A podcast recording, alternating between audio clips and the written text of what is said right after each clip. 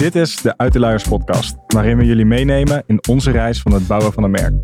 Mijn naam is Marijn en samen met Jean-Paul praat ik over alle aspecten die hierbij komen kijken. En dat doen we op onze eigen manier, zonder een blad voor de mond te nemen. We delen open over cijfers, fouten en successen.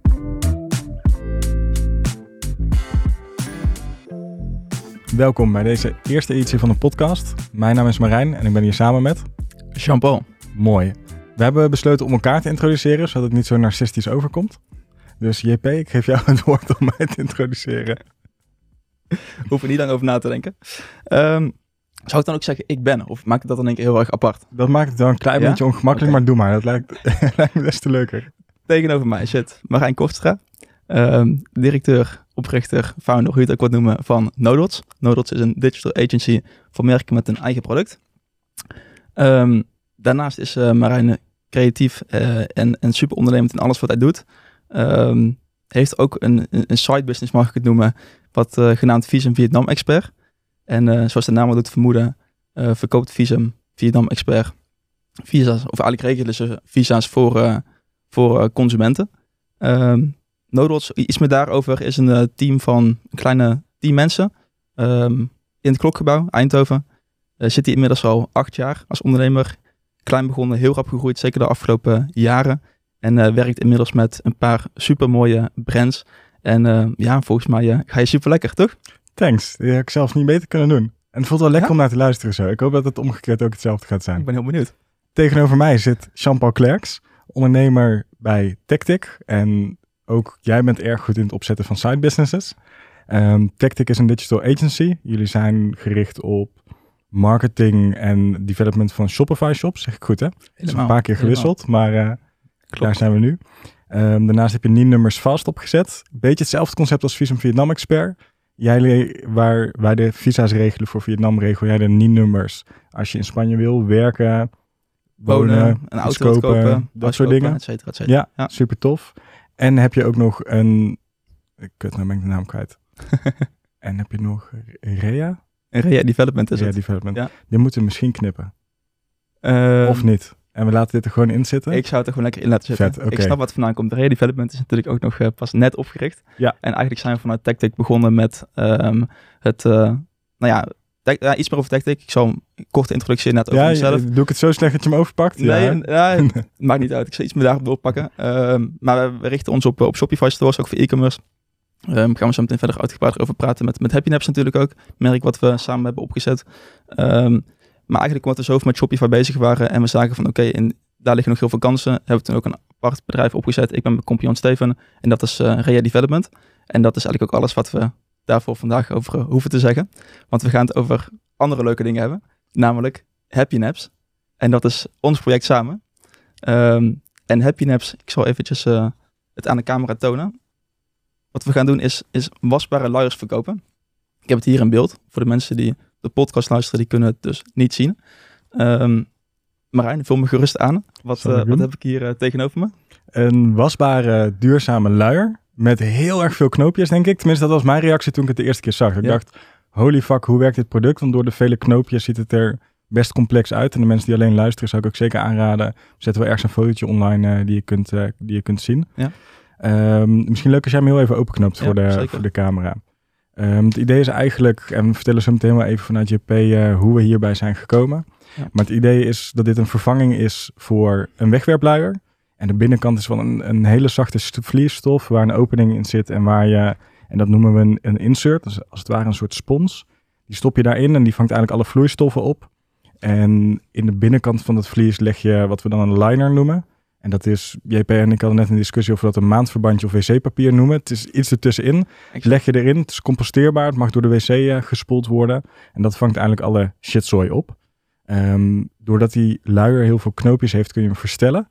En daardoor ehm, kun je misschien doen even in de, in de kleinste en in de, in de grootste. Ja. En daardoor groeit de luier ook mee met je kindje. Dus het is echt een one-size luier, waardoor je ook niet iedere keer als je kindje groeit, en het gaat natuurlijk in de eerste maanden, de eerste jaren heel hard, niet iedere keer een nieuwe luier hoeft te kopen. Dus ook in dat opzicht is het, eh, is het heel duurzaam. Exact. En het idee is eigenlijk hiervan dat je gelijk aan de geboorte bij je kindje hier een hele hoop van koopt.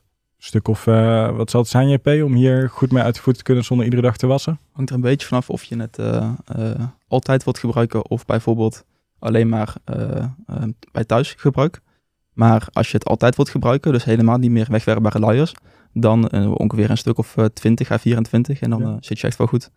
En het idee is ook, kwaliteit van de luiers is heel hoog, zonder dat ik het hier probeer te verkopen. Maar dat is natuurlijk wel ook het duurzame idee dat je hem Ja. door kunt geven aan een tweede kindje. Exact, exact. Misschien leuk om even terug te pakken op hoe jij bij dit idee bent gekomen. Want ik ben natuurlijk ietsjes later bij gekomen. Ja, klopt.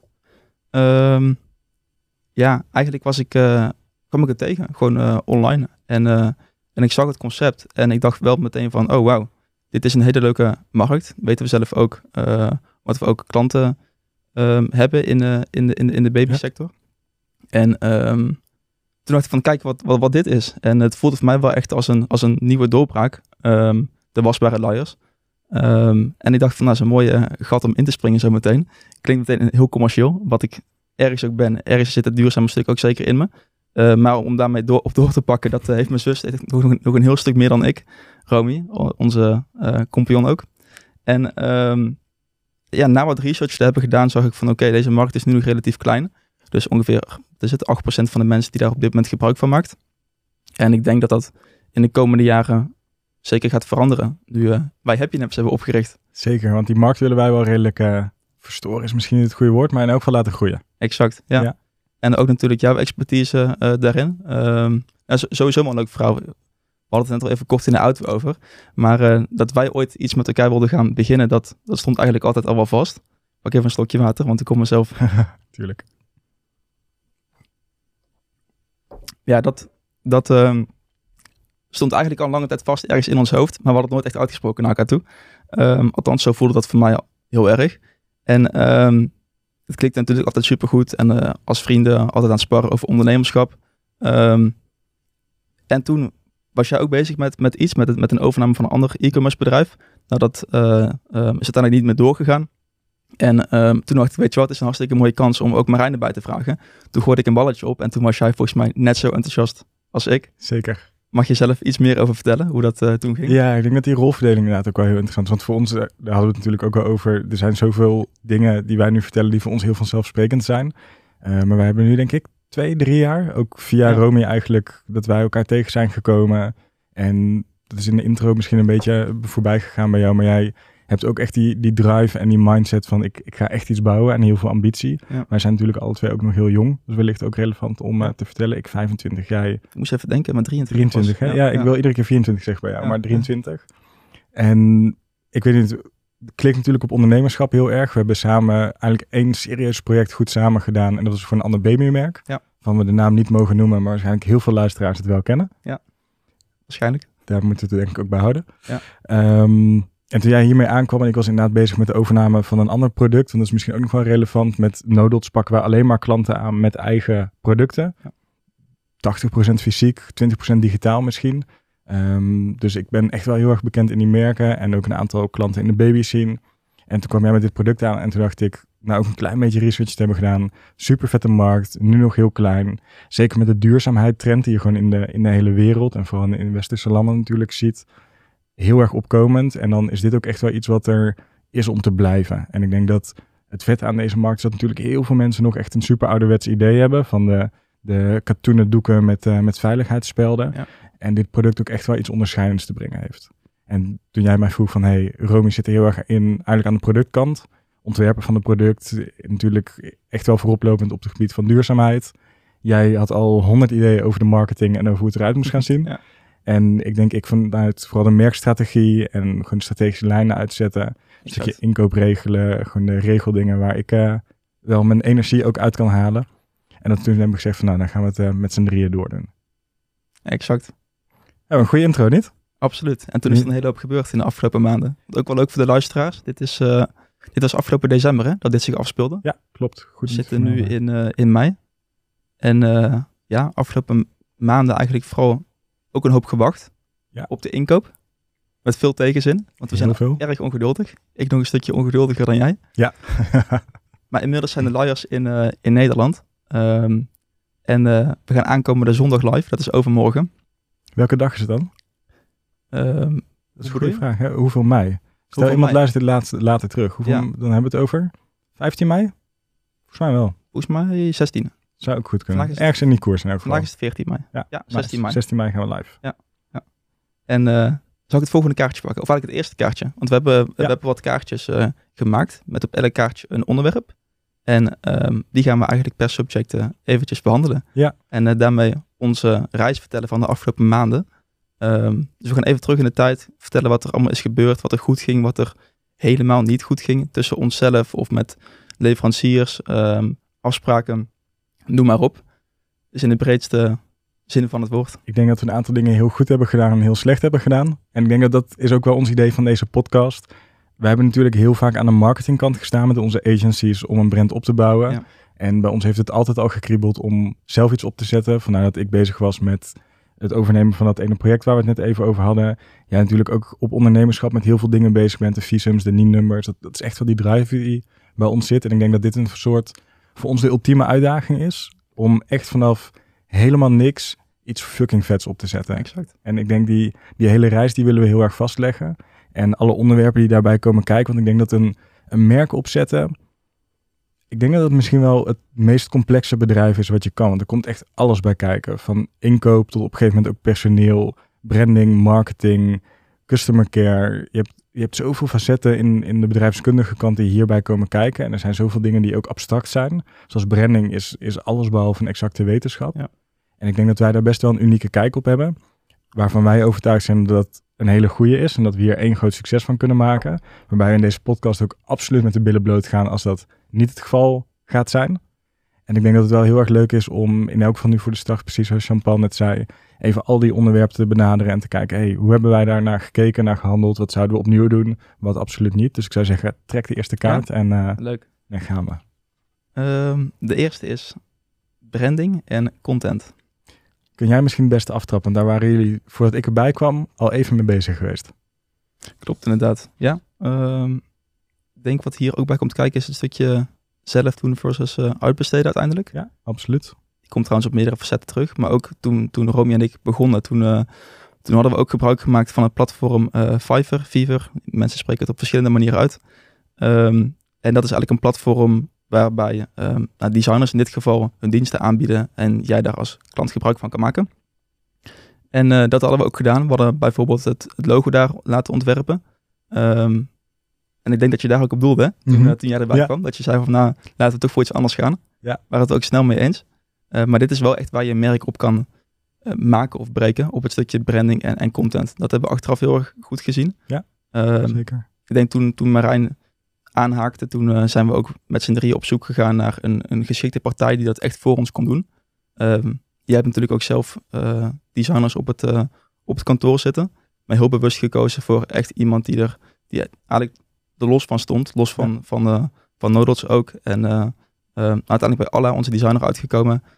Super blij mee. Ehm wellicht ook leuk als jij iets meer over dat, eh, over dat proces vertelt. Ja, ik denk dat dat ook wel heel erg de kijkers die we inderdaad, ehm, jullie zijn toen begonnen inderdaad en het, het zag er goed uit denk ik, Mm. ook het, het logo en het was tof. Maar ik zei eigenlijk al heel snel van, hey, de manier hoe het logo is opgebouwd, is wellicht iets minder letterlijk te schalen op verpakkingen en op de website en dat soort dingen. Plus we hebben het nu dan best wel snel laten doen. En ik denk dat dit een heel tijdloos principe moet zijn. Het moet echt iets zijn wat, wat voor in ieder geval vijf jaar mee kan zonder grote veranderingen. En ik denk dat het in, dat hadden jullie met het product al heel goed gezien. De kans op, om deze markt nu echt aan te pakken en deze markt daarin de leider te worden, is denk ik ook juist om je te drif, oh, ik vind het altijd zo'n kutwoord, differentiëren op Ja. zowel product als brandingniveau. Want bijna alle merken die we hebben gezien, in elk geval in Europa, super oudbollige branding. Het ziet er niet uit, hele felle kleuren, tering lelijk, producten super kinderlijk vormgegeven. En ik Ik denk dat... dat eh, een goede, go- goed haakje, zodat ik je niet uit ja, nee, natuurlijk. Maar ehm, ehm, in het kader van ook doelgroep, branding, content, doe je natuurlijk voor een bepaalde doelgroep. Wat we ook hebben gezien bij de concurrenten, is dat zij zich heel erg focussen op printjes eh, die heel kinderlijk zijn. Dus eigenlijk maken ze het voor de baby in plaats Ja. van voor de ouder. Want de baby maakt het uiteindelijk niks uit in wat voor kleur luier ze lopen. Eh, terwijl het de moeder er vaak echt wel een hele hoop om geeft. De vader ook, zonder, te, zonder het over eh, mannen of vrouwen hierin, eh, hierin te hebben. Ja, absoluut. En Ja. ik denk inderdaad, je ziet die printjes van de concurrenten zijn allemaal piratenhoofdjes, eh girafjes, olifantjes, diertjes. Het ziet er allemaal super schattig uit, inderdaad, voor een kindje. Ja. Maar ik zou mijn kind er echt never nooit niet in willen laten lopen. Trouwens, ook een interessant haakje is, want wij hebben helemaal geen kinderen. Dus dit is wat dat Ja. betreft wel een, een bijzondere keuze. Absoluut. Ehm, maar ik denk dat, dat dat wel een hele, eh, hele belangrijke is geweest. We hebben echt wel een stapje terug gedaan in die branding, naar het alle aangehaakt. En ja, aan de luisteraars ook om te beoordelen. Maar ik denk dat we erg geslaagd zijn in hoe alles eruit ziet. We hebben heel bewust gekozen voor hele aardse kleuren, voor een hele, ik denk, een, een gegronde branding. Ehm, waar ook echt wel weer dat duurzaamheid aspect in terugkomt. Ja. En ik denk dat we daarin de, de eerste slag gaan maken in combinatie met de printjes die gewoon heel erg anders zijn. Ja. Eh, want daar moeten we denk ik ook eerlijk zijn. Ons, ons concept aan zich, de luier zelf, is niet de eerste. Klopt. Maar ik denk de manier hoe we het samenbrengen is, eh, is best, wel, eh, best wel tof. Ja, absoluut. Hey, als het om de branding gaat. We hebben ervoor gekozen natuurlijk om alles uit te besteden. Ook heel bewust. En ik denk dat dat ook wel misschien een keuze is die anderen anders zouden maken.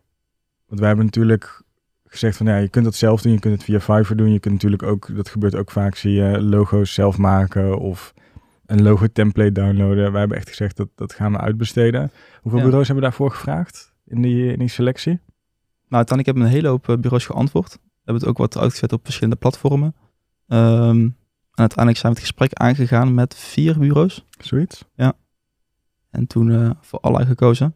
Waarom hebben we voor haar gekozen? Ik zit even Ehm, hard op terug te denken. Dat is misschien ook best een, Ja. voor ons nog best een lastig geweest, hoewel we ook wel snel gekozen hebben, vond ik. Klopt. Ehm, nou, natuurlijk kijk je in eerste instantie altijd naar de kwaliteit van, van wat iemand heeft gemaakt in, in het verleden. En ehm, dat matchte voor ons gevoel heel erg goed bij wat wij uit wilden stralen. Ja. En daarnaast hebben we denk ik ook heel erg gekeken naar ehm, een stukje commitment en gunfactor. Weet je uiteraard nooit van tevoren. Ja. Maar ik denk dat we daarbij alle wel heel erg voor zijn gevallen. Dat we heel erg het gevoel hadden van oké, zij gaat dit echt met ons doen. En Ja. wij zijn niet klant zoveel voor haar met een, met een nummertje. Ehm, en dat hebben we ook wel heel erg eh, gemerkt, vind ik zelf, in het, in het proces. Eens. En ik denk, dat was nog wel iets waar wij echt op haakten, weet ik wel. En wat we ook al terugkregen van Alla. Want Alla was een, eh, ik ben heel even kwijt waar zij vandaan komt. Volgens mij Estonia, zei ze altijd. Was dat in Ja. het Nederlands? Estland? Estland volgens mij. Estland. Ehm, dat gesprek was het enige gesprek wat in het Engels was. Tegenover de andere bureaus waren allemaal Nederlandse jongens Ja. of, eh, of meiden. Ik vond het best wel een drempel ergens. Zeker als het om branding gaat. En volgens mij had jij het wel hetzelfde. Je moet best veel uitleggen in iets wat, wat niet je native taal is. Mhm. Het gaat ook echt wel over, ja, over gevoelsdingen met Ja. branding. Vinden we iets mooi, vinden we iets niet mooi? Hoe beschrijf je dat? In, in het Nederlands kan ik daar echt super makkelijk mijn woorden voor vinden. Ja. Ik zag dat wel als een drempel, maar ik ben wel heel blij dat we het gedaan hebben. Ja. Want haar werk is, denk ik, hoe het eruit is gekomen te zien, had denk ik weinig beter gekund. Klopt. Ja, heel blij mee. Dat vind ik misschien ook nog wel een van de spannendste onderdelen van het hele proces. En ook van die tijd, omdat die branding is, waar we het net ook al over hadden, het is ook iets heel abstracts. En het moet ook iets zijn wat klikt en wat, Mhm. wat Mhm. klopt. En je, je ziet het je niet exact voor je, maar je hebt toch een gevoel van, Ja. er moet straks iets zijn en dan moet klikken. Ja. En dat deed het niet per se gelijk, hè? Nee, klopt. En dat is denk ik ook heel natuurlijk, dat zoiets ehm, gaat door, eh, door te optimaliseren. Ehm, maar ik denk los, hè, als, we, als we kijken naar wat er belangrijk is, ik denk dat ik dit zelf op voorhand had onderschat hoe belangrijk dit is.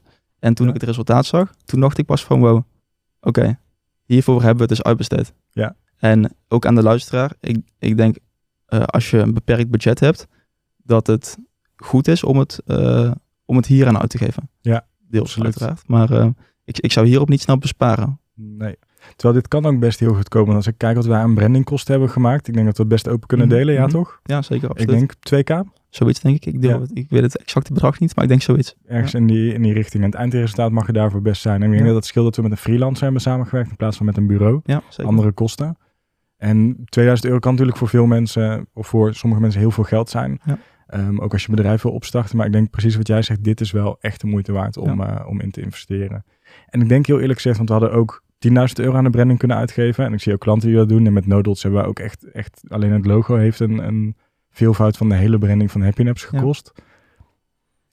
Ik denk niet dat we per se een beter resultaat hadden gehad als we meer geld hadden uitgegeven. Dus misschien ook geluk dat we alle hebben gevonden en dat, dat dit haar prijzen waren. Ehm, dat hebben we goed gedaan, denk Ja. ik. Absoluut. Ja. Doorgaan met het volgende kaartje. Ja, hoewel in het kader van branding is de content natuurlijk ook nog wel een hele relevante. absoluut. Want daar hebben we natuurlijk ook wel echt tijd aan besteed. En daar hebben we Romy wel echt voor te danken. Want dat Ja, was jou absoluut. en mij niet. Nee, nee. En gelukt. is hier vandaag niet. eh, maar net alle credits naar haar als het gaat om, eh, om content. En ehm, natuurlijk is het onder, onderwerp is, is duurzaamheid van de wegwerpbare luiers. En ehm Romy ademt dat echt. En ik denk dat, ook wat ik net al zeg, van ehm, het klinkt allemaal heel commercieel en, en dat zijn we ergens ook wel echt. En, en daarom ook tegelijkertijd, als wij dit met z'n twee hadden gedaan zonder Romy, dan zouden we hier echt op inleveren. En dat Ja. weet ik ook. Dus ook als je ooit iets voor jezelf begint en ehm, je hebt het gevoel dat je mensen erbij kan betrekken, kijk er niet alleen maar naar, naar directe waarde van oké, wat ehm, hoeveel euro gaat dit maar meer opleveren. Probeer ook te kijken naar, naar, naar de persoon wie je erbij betrekt en wat diegene kan betekenen in je bedrijf. Ja. En, eh en Romy doet het heel erg bij ons op het stukje cultuur, missie, visie. Ehm, en dat zie je terug in de teksten van de website, van de, van de, van de social media posts, et cetera. En ik denk ook de fotografie, want die heeft ook Romy helemaal van A tot Z gedaan. Ja. En ik denk, het ligt zelfs op een hoger niveau dan sommige van onze klanten die echt wel het budget ervoor gewoon hebben, maar die het niet regelen. En wij hebben uiteindelijk in, in het beachhouse in, in Zeeland met vier kleine modelletjes en hun ouders hebben we geshoot en een fotografen. En ik denk dat dat gelijk ons aan de start, we hebben, wat is het, 75, 100 foto's? Eh 1500 foto's en daarvan zijn er 75 uiteindelijk inderdaad eh, Geselecteerd. geselecteerd. En ook die zien er in de branding past, past heel erg op wat we vormgegeven hebben qua kleuren en qua stijl. Past heel erg bij de producten, locatie ook. Heeft Romy gewoon heel goed gematcht. Ik denk dat dat ons straks ook wel echt een voorsprong gaat geven. Absoluut, absoluut. En ook dat hebben we met een best beperkt budget voor elkaar Ja. gekregen. Ouders en Facebookgroepen geregeld. Nou, fotograaf hebben betaald, locatie via via. Engels daarvoor, Beach House. Ja. Beach House 25, super. Was een, was een fantastische locatie. Verder zal ik niet meer, eh, niet meer sponsoren. Maar die is eh, wel terecht. Ja. hebben, die hebben we gewoon in coronatijd heel fijn kunnen, kunnen shooten. Ja. Ehm, ik denk dat we op die twee punten echt wel... Dat is, ik denk dat we dat, als we het hebben in deze podcast over dingen die we goed hebben gedaan en fout hebben gedaan. Ik denk dat we dit heel goed hebben gedaan. Absoluut. We naar het volgende kaartje? We gaan door naar het volgende kaartje. Inkoop en logistiek. Ja, daar valt veel over Dat, te vertellen. eh, Ja, absoluut. En dat is ook niet jouw favoriete onderwerp. Volgens mij ook niet per se om over te praten. Nee, saai. Contracten, eh, afspraken. Afspraken aan zich zijn prima, maar als er papier gezet moeten worden, dan eh vind ik het snel wat minder. Ja. Ik denk dat dat ook weer het stuk is waar wij elkaar aanvullen. Ja. Ehm, misschien leuk om even snel doorheen te gaan. Inkoop begint natuurlijk bij het vinden van de leverancier. exact. Is in deze tijd niet meer heel lastig. Ik denk Nee, dat een- is ook wel leuk inderdaad. Van, ik denk dat het vroeger een heel stuk moeilijker was. Vroeger had je simpelweg het internet niet. En tegenwoordig kan je googlen. En, en, en je vindt al snel wel ergens een leverancier. Uiteraard is dat geen makkelijk proces. Het is, eh, het is goed wikken en wegen uiteindelijk voor welke leverancier je kiest. Ehm, Die had jij al gekozen toen ik er ook wederom bij was. Want Ja. ik ben er dus later bijgekomen en toen waren jullie daar al. Wat is voor jou daarin de afweging geweest? ehm, Hoe heb je het, zeg maar het selectieproces uiteindelijk gedaan? echt gekeken naar het product. Dat was voor mij het allerbelangrijkste. En ehm, heel erg goed opgezocht ehm, wat mensen het belangrijkste vinden aan die wasbare luiers. Want voor mij was het hele concept ook nieuw. Maar je hebt wel verschillende manieren hoe, hoe die systemen werken. En wij hebben een, pocket luier, zoals dat, zoals dat heet. Ehm, dat je de insert, als het ware, in de luier doet. In plaats Dus de, van, de spons, zeg maar. die doe je erin, in plaats van dat je hier oplegt bijvoorbeeld. Nou, zonder daarover in detail te treden. Dat is wat mensen een stuk prettiger vinden. Heb ik op internet toen eh, gelezen. En uiteindelijk daarvoor ook een leverancier gevonden. En onze leverancier kon ook heel goed meedenken, bijvoorbeeld in, in alle designs die wij wilden ehm, nou ja, opleveren. En eh, heel vaak moet je bijvoorbeeld ook eh, per, per dessin een stuk of duizend aantallen maken. Ehm, dat hoeft het bij ons niet, want wij hebben per stuk 200 eh, nu met de inkoop. Ehm, dus dat, dat zijn enkele selectiecriteria geweest waar ik naar heb gekeken. Tof. Ja. Wat wel grappig is, want in de, in de licentie en dergelijke zijn ze heel behulpzaam geweest. Ja. Aan de andere kant, daar hebben wij het vaak over gehad de afgelopen periode. We hebben toen die order geplaatst en toen zeiden ze van, nou, als jullie deze week beslissen, dan kunnen we dat voor het Chinese nieuwjaar eruit, eh, eruit knallen. Hebben wij diezelfde week besloten. Met een Nederlandse partij verwacht je, als je dat soort afspraken maakt, dan wordt dat nagekomen. En wij kregen een heel simpel bericht met, oh ja, nee, sorry, gaat toch niet lukken. Ja, dat was toen wat. Na Chinees nieuwjaar, vertraging, twee maanden. Eh, twee maanden, ja, vertraging. Want er werd pas daarna verstuurd en ook nog de productie, die ging daarna nog voor een deel aan de slag. Klopt. Eén groot shit, sorry. Lijkt voor me het wel op neer. Maar ook echt met nul empathie, hè? Want we hadden nog zoiets van, nou, misschien kunnen we daar nog een korting uithalen. Of, of een tegemoetkoming. Of iets anders. Maar het was gewoon... En dan merk je ook pas in één keer hoe een kleine speler je nog bent. Want wij dachten ergens van, oké, we plaatsen best wel een serieuze order. Zeker voor de eerste keer. Ja. Wat we denk ik ook wel hebben gedaan. Maar we hebben eh, voor... Hoeveel was het factuur uiteindelijk? 15 volgens mij toch? 15.000 dollar, hè? 12.000 euro? Iets in die Eh, richting. zoiets. Ja. Waarbij we een klein foutje hebben gemaakt in de aantallen. Kwamen we gisteren pas achter. Ach- 18 do- 18.000 dollar. Maar niet uit verder. Ja, ik moet Ja, ik had iets het ergens in eventjes, die eh, in één keer in mijn hoofd. Ja. Ja. Ehm, ja, ook inderdaad foutje met, met de inkoop. Waar we gisteren pas achter kwamen. Vijf, vijf maanden later. Dat is kut, hè? Ja. Ik denk dat we drie fouten hebben gemaakt met inkoop. Waar we Ja. allemaal pas achteraf achter zijn gekomen. Gaan we het er nu over hebben? Dat is wel leuk toch? Ja, dat vind Ja? ik wel. Ja, hè? ja. Want één is natuurlijk, toen, wij gingen op zoek naar een fulfillment center. Dus een plek waar we al onze producten neer kunnen leggen. En die dat, gingen, die dat zouden gaan verkopen. Of, sorry, gaan verkopen, gaan verzenden. exact. Ehm, en de eerste vraag die wij krijgen van het fulfillment center is... Staat er een barcode op ieder artikel? Ja, zo logisch. Maar ik heb er echt geen seconde over nagedacht. Ik ook niet. Geen enkele barcode aangemaakt, niks laten stickeren. Het enige waar wij mee bezig zijn geweest uit duurzaamheidsoverweging is... verpak ze niet apart in een plastic verpakking. Dat is wel leuk om erbij te vertellen trouwens. Dat we heel erg goed hebben gekeken naar hoe al die luiers binnenkwamen. Ja. En ehm, eigenlijk plasticloos. En Ja. dat is wel hartstikke goed natuurlijk. Ehm, dus heel erg vanuit die gedachtegang. Maar dat had ook echt wel wat, wat gevolgen vervolgens. Ja. Namelijk dus ehm, dat ja, nou, in eerste instantie het gevaar dat we bij één fulfillment center niet, niet geaccepteerd werden als klant. Of geen klant konden worden, is beter verwoord. Omdat ze bang waren dat onze producten vies zouden worden. Omdat er geen plastic omheen zat. Dat en gelukkig nog, is het huidige fulfillment center, die kan wel goed met ons meedenken daarin. Ehm, en eh, nou ja, die, die vinden dat verder geen probleem, ook omdat ze minder met lopende banden werken, et cetera. Ja. Dus dat is een goed om over na te denken. Gebruik je plastic of niet? En alternatieven voor een volgende keer zijn misschien, is het, is het rietsuiker? Ja, rietsuiker plastic. Ja, Ja. Nou, dat, dat is ook een stukje duurzamer. Maar dat zijn allemaal afwegingen die je van tevoren moet maken. En die wij ook wel hebben onderschat. Ik Ja, denk dat het ook wel een beetje erbij hoort. Als je doet zoiets voor de eerste keer en je loopt altijd tegen dit soort dingetjes aan. Ja. Maar heel eerlijk, ik was met die inkoop echt alles behalve bezig met alles wat erna zou komen. Zeg maar, ik heb niet nagedacht over hoe gaan... We hebben wel nagedacht over hoe we het gaan verzenden. Als in, we moeten daar verpakkingen voor Mhm. laten maken en die laten we dan duurzaam maken. Maar dat bij een fulfillment center komt te liggen, die eisen hebben. Geen flauw idee dat het vies kon worden. Ook niet over nagedacht. Nee.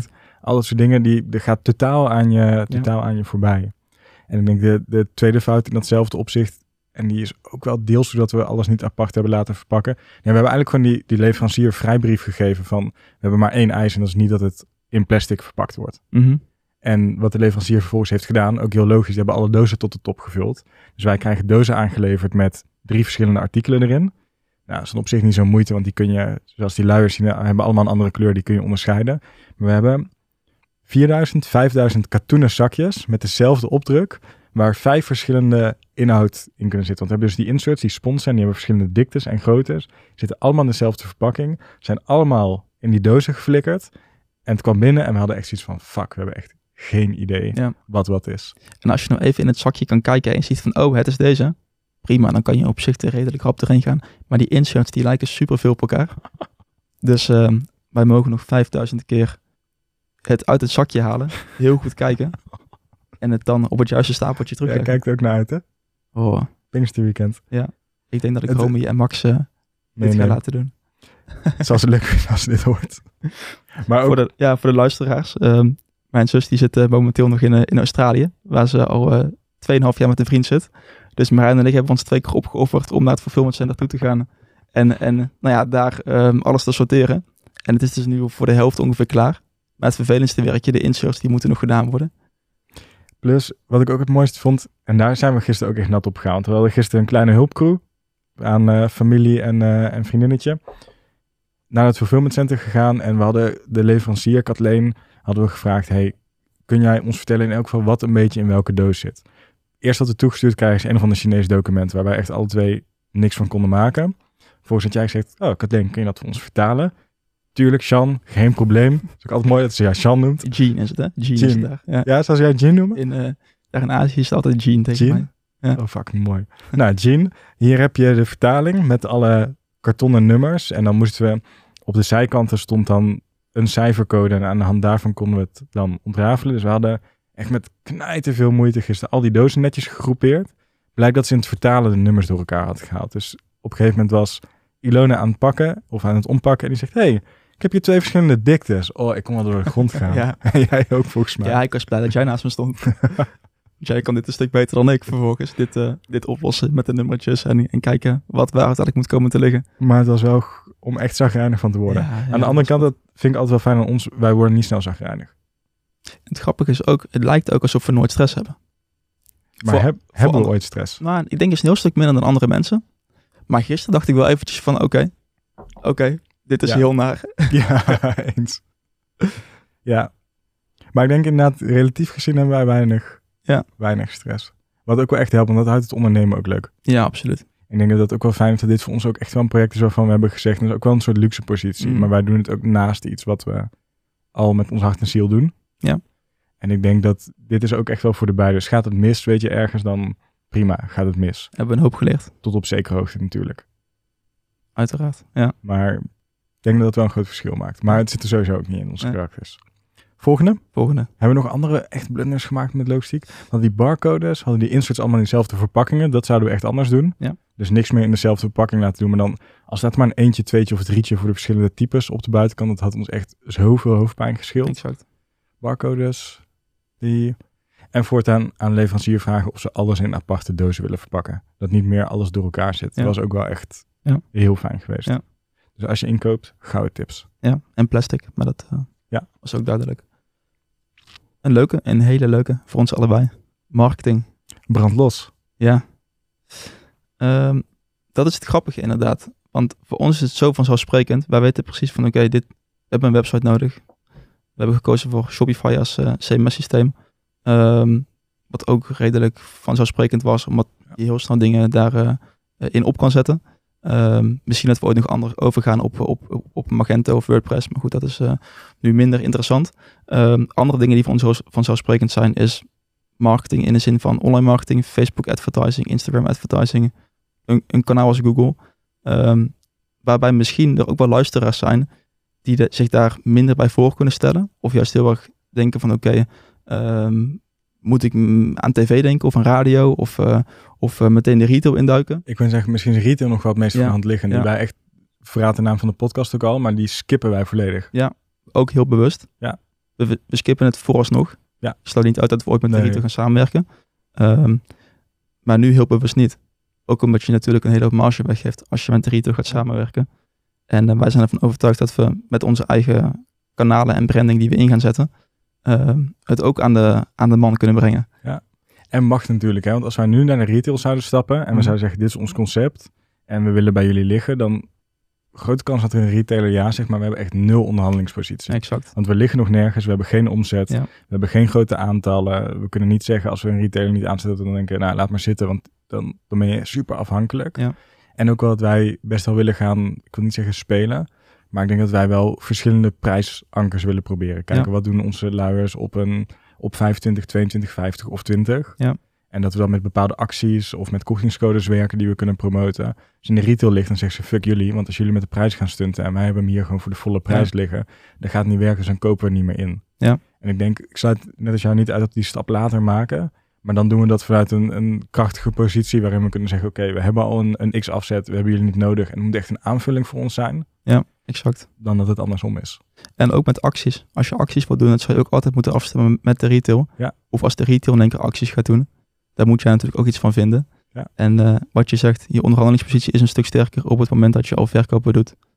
En je minder afhankelijk bent van de retail. En ik denk dat zien wij natuurlijk bij onze klanten ook wel bij die eigen merken heel verschillend hoe die erin staan. Want we hebben klanten en die zijn nog best wel afhankelijk van de retail. Die durven geen acties te doen, die durven niet op een streep te staan bij de retail. Die, logisch ook, want die zijn daarvan afhankelijk. Ja. En we hebben klanten die zeggen, ja, weet je, wij gaan gewoon lekker ons ding doen. Als de retail onder de prijs zakt, het mag eigenlijk niet, maar dan eh, knijpen we de inkoop af. Ja. Of dan is er opeens geen voorraad meer.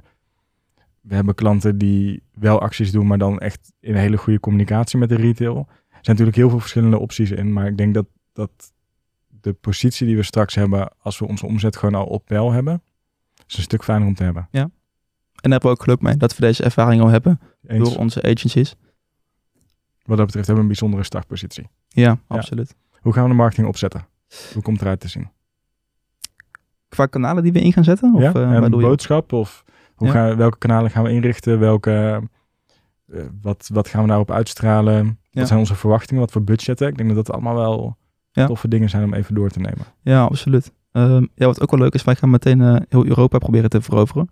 Ehm, als in, ik denk, de meeste landen binnen Europa. En ehm, dus we focussen ons heel bewust niet op alleen Nederland. Eh, ook omdat eh, we denken dat deze markt ook wel, of de- nou ja, ja, precies, de, Ja. de babysector gaat snel, zeker met de wasbare luiers nu. Dus ik denk, als we deze markt willen grijpen, dat we het nu ook gewoon massaal moeten doen. En Ja. en dat die ruimte er ook is. Dus Facebook ads gaan we inzetten natuurlijk, Instagram ads. Ehm, ook organisch uiteraard. Ehm, en Pinterest is ook een heel, eh, heel goed kanaal voor ons. Omdat er heel veel moeders zitten ehm, op, eh, op dat channel. Dus die gaan we ook zeker meenemen. En qua boodschap wat we uit willen stralen ten opzichte van bijvoorbeeld hoe, hoe andere concurrenten doen, zitten wij veel meer op het stukje eh, storytelling ook. En ik denk ook heel erg op het proberen uit te leggen hoe je gebruik kan maken van wasbare luiers. Want wat een groot verschil is, op dit moment heb je natuurlijk die, nou zeg 8% van de mensen die gebruik maakt van wasbare luiers. En wat wij proberen te gaan doen is het op die manier aan te vliegen dat zometeen de helft van de mensen het misschien gaat gebruiken. Uiteraard niet binnen twee jaar, dat, dat zou wat zijn. Zou Ehm, heel mooi zijn. Dat zou heel mooi zijn, mag wel uiteraard. Ehm, maar eigenlijk wat we eigenlijk gaan proberen te doen is niet alleen de mensen proberen te bereiken die, die gek zijn van duurzaamheid en, en nou, heel erg eh, daarin zitten. Maar wat we ook gaan proberen te doen zijn die mensen proberen te bereiken die ehm, van mooie printjes houden voor hun kindje. Ehm, dus influencers willen we ook zeker mee gaan werken.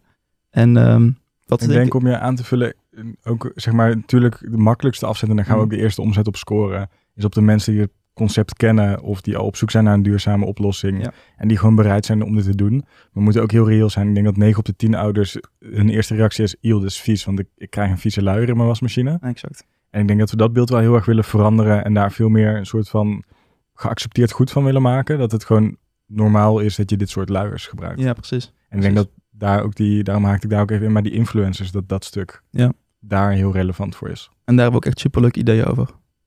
En ik dacht dat wij de eerste en de enige waren met dat idee. Maar toen zei ik het laatst tegen mijn zusje. En die zei van nee, andere merken doen het ook al. Ja, zijn er ook andere, Ja, dat had je nog niet verteld. ja met het stukje, toen we laatst het weekendje weg waren samen. Toen Ja. kwam we op het idee om ehm, ook influencers erbij te betrekken. En hun dan eh, hun eigen printje te laten maken voor Ja. hun kindje. Precies. Dus voor de een luier. soort eigen collectie vanuit die influencer. Exact. En eh, nou, om meerdere redenen. Je kan, je kan er iets bij voorstellen. Ik bedoel, zo'n influencer gaat het dan waarschijnlijk een heel stuk vaker promoten. Ja. En die voelt zich ook meer betrokken bij het merk. En de, de klant die het vervolgens koopt, die heeft ook meer het gevoel dat het deels van die influencer is. In plaats van dat die influencer het, het alleen maar aan het promoten is. Ehm, wat ook heel veel uitmaakt natuurlijk. Ehm, maar goed, andere merken doen het ook al. Maar dat maakt verder niet uit. Zonde. Ja, ik dacht, zonde, ik ja. dat wij de eerste Ja. waren. Ja. Maar ik denk dat die influencers, want dat hebben we natuurlijk net zo goed de afgelopen jaren meegemaakt. Influencers zorgen niet per se direct voor verkoop. Dat is wel het beeld wat veel klanten en ik denk Mhm. ook wat, wat veel consumenten hebben. Van, oh, als een influencer het promoot dan een soort stormloop aan, Ja. aan sales. Bijna nooit het geval. Ja. Maar het zorgt wel om, en ik denk dat is ook waar wij het echt voor in willen zetten, om het beeld in de markt te veranderen. Ja, precies dat. Want ik denk, je wil denk ik... We hebben natuurlijk ook wel persona's gemaakt van hoe ziet onze doelgroep eruit. En we hebben gewoon echt wel de persona die gek is van die duurzaamheid. Die heeft ook een duurzame bubbel. Daarin is zoiets ook super geaccepteerd. Maar er gaat straks ook een soort, soort tussengroep zitten die misschien wel wil, maar ook niet per se de eerste zal willen zijn. En, en wellicht ook niet wil dat de omgeving het gek vindt. En ik denk dat het dan heel erg helpt als je grote influencers ziet die dat ook gebruiken. Waarbij je denkt van oké, nou ben ik in elk geval niet de eerste. Ja. Heel kinderachtig, maar misschien toch een beetje vergelijkbaar als op de middelbare school. Dat je niet de eerste gaat zijn met een bepaald merk tas of een bepaalde merk kleding. Ja. Je wel, Je wil toch, Het is niet eens kinderachtig. Mensen zijn zo. het zit erin. Ja. En ik denk dat dat ook wel de kracht van marketing is om dat stuk te begrijpen. Ja. Absoluut. En het is heel erg onbewust, denk ik ook. Eens? Als ik wel eens naar eh Christel kijk, mijn vriendin. Zal ze leuk vinden dit? Ja, nee, weet je, dan, dan koopt ze iets online. En dan denk ik van, oké, dat merk je. En ik zie wel eens gewoon dat, dat, dat ehm, influencers waar ze naar kijkt, dat die dat dan ook dragen. Ja. Sportgerelateerd is dit. Ehm, is het meest recente wat ik in mijn hoofd heb. Maar het werkt echt. En dan vraag ik voor de grap aan haar van, eh, hey, wat vind jij daarvan eigenlijk, van het, eh, van het merk eh, Puma? En dan is het echt wel superleuk. En dan denk ik van, nou oké, als, je- als ik je dit een half jaar geleden had gevraagd, dan was het Ja. denk ik heel anders. Of had je er niks van gevonden? Nee, of ja, ja, wat je bedoelt. Zo gaat dat. Welke budgetten willen wij in gaan zitten? In gaan Ehm, zetten? Ik denk per dag op Facebook Insta ads 50 euro mee te starten. Ik had iets hoger in gedachten. Jij denkt dat we naar, naar 100 toe moeten, maar Ja. liever eventjes eh, goed testen, goed, een beetje goed AB testen en dan kijken wat Ja. werkt en dan het budget eh van daar opschalen. Ehm, maar we hebben ook nog genoeg andere kanalen natuurlijk. Hoewel we later beginnen met Pinterest. Ja. Maar ik denk dat er ook nog veel te halen valt uit, eh, uit Google Search en shopping. Ja. Ehm, dus ook als je daar de budgetten bij op gaat tellen, dan Ja, we zullen heen gaan bij de start 150 euro per dag. ja, zoiets denk ik. Zoiets. Ja. En ik denk, ja, als de ROA's goed zijn, dus als de return on investment goed is, dan is de sky ook snel de limit. Ja, exact. Dan is het enige wat ons, wat ons tegenhoudt eh, dat we weer opnieuw moeten inkopen. Ja. Wat hopelijk dit keer sneller gaat dan die vijf maanden. Eens, want we hebben dus 2400 stuks. Zegt dat, die berekening had ik laatst nog een keer gemaakt. En ik Ja. pak nog een keer, want de hoofdrekening is echt mijn allerslechtste. Mensen gaan vast lachen dat ik dit met de rekenmachine uitreken. Maar zeg 20 luiers, als je het fulltime wil gebruiken, dan zijn 2400 luiers is eigenlijk maar genoeg voor 120 ouders of Ja. 120 Ja. kindjes. Dat is best heel klein. Maar Ja. dat is voor ons denk ik ook nog wel heel spannend. Tenminste, dat vind ik wel spannend.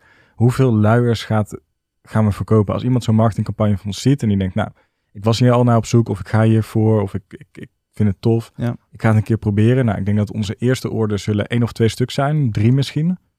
Even kijken, bevalt het merk. Je gaat niet in één keer 20 keer Klopt. 20 euro uitgeven en 400 euro kapot slaan op een merk wat je niet kent. Dan hebben wij ook echt nog wel wat op te bouwen. Ja. Maar ja, ik neem aan, zo'n ouder bestelt drie van die luiers. Eind van de week bestellen ze de andere 17. Dan kan het heel hard gaan. Absoluut. En ook wat je nu aanhaalt is wel een hele goede. Want in het kader van, van marketing, eigenlijk ga je nu de customer journey aan. En het klinkt als een fancy woord, maar het is wel ontzettend belangrijk, de, de klantreis. Ehm, wij gaan ervan uit dat een klant dus eerst even een, een, nou, een paar luiers koopt. Kijken wat het doet, of het fijn is of niet, et cetera. En dan pas een keer groot inkoopt. Ja. En dat is wel heel belangrijk om te beseffen. Ehm, want daar moeten we ook onze marketing op afstemmen. En dat doen we vervolgens met e-mail marketing ook. Dus als een Ja. klant koopt, dan gaan we die klant als het ware opvoeden in die dagen daarna. En meer informatie toesturen. Meer informatie over hoe het werkt, meer informatie over de luier, over, over Happy Naps ook Ja, natuurlijk, over onze ook. missie en visie. Ja, eens. En ik denk, daar hebben we natuurlijk ook over nagedacht, omdat je in grotere aantallen gaat kopen, gaan we ook inzetten op bundelkorting. Ja, Dus dat. koop je meer tegelijk, dan krijg je ook een korting. Ja. We moeten ook voorkomen, het zou voor ons nadeliger zijn, dat mensen per vijf gaan bestellen over een aantal weken heen. Dus gewoon rot, dan heb je vijf keer verzendkosten, je bent veel meer bezig, veel meer handling. Precies. Dus ik denk, voor ons is dat ook voordelig. En wat ook nog een leuke is, zijn, eh, zijn de cross-sells en de upsells. Ja. Wij hebben natuurlijk ook in ons assortiment heel bewust gekeken naar wat kunnen we naast die wasbare luiers nog meer verkopen. En toen kwamen we op de, op de wetsuits. Ja. En de Wetbacks, wetbags, sorry, wetsuit. dat Wetsuit is, gaat eh, meter op. voor de, baby de- misschien eh een beetje andere- veel. De andere zijn de, zijn de, zijn de tassen inderdaad, de, de bags. Ja, en het change mats, dus ook nog bij passend bij de luiers. We Ja. hebben hele toffe printjes en die printjes hebben we doorgetrokken over een paar artikelen heen. Ja. En ik denk wat echt tof wordt als je op een gegeven moment... Volgens mij is daar zo'n hashtag voor, maar ik kan hem even niet bedenken. Maar is dat, dat moeders en hun kindje, en dan vooral moeders, dochters volgens mij vaak, dan dezelfde, dezelfde dingen dragen. Ja, klopt. Ik denk dat het lachen wordt als we matchende dingen voor de moeder gaan maken. Zijn we wel nog even een stap verder, want dat, dat is echt wel een gokje. Maar we dat hebben je het een beetje eh, gedaan met die tassen natuurlijk. Ja, die, eh, de moeder draagt de tas en dat heeft, dus, het heeft hetzelfde printje als het kind. klopt. En ook in het kader van marketing. Marketing is breder dan alleen online marketing. Ja. Ehm, en dat is denk ik ook waarin wij onszelf wel degelijk onderscheiden. Ook weer van de rest. Dat we kijken naar, naar het product. Wat kunnen we, kunnen we daarmee doen? Wat kunnen we er in de toekomst mee gaan doen? Ja. Zo kwam uh, Stijn, het broertje van Chris, nog gisteren op het leuke idee om, om ook slabbertjes voor die kinderen te maken in een bepaald printje. Ja. Voor de babytjes. Die ook weer matcht. Lekker tons weer tonnen, alles met die Ja, baby. exact.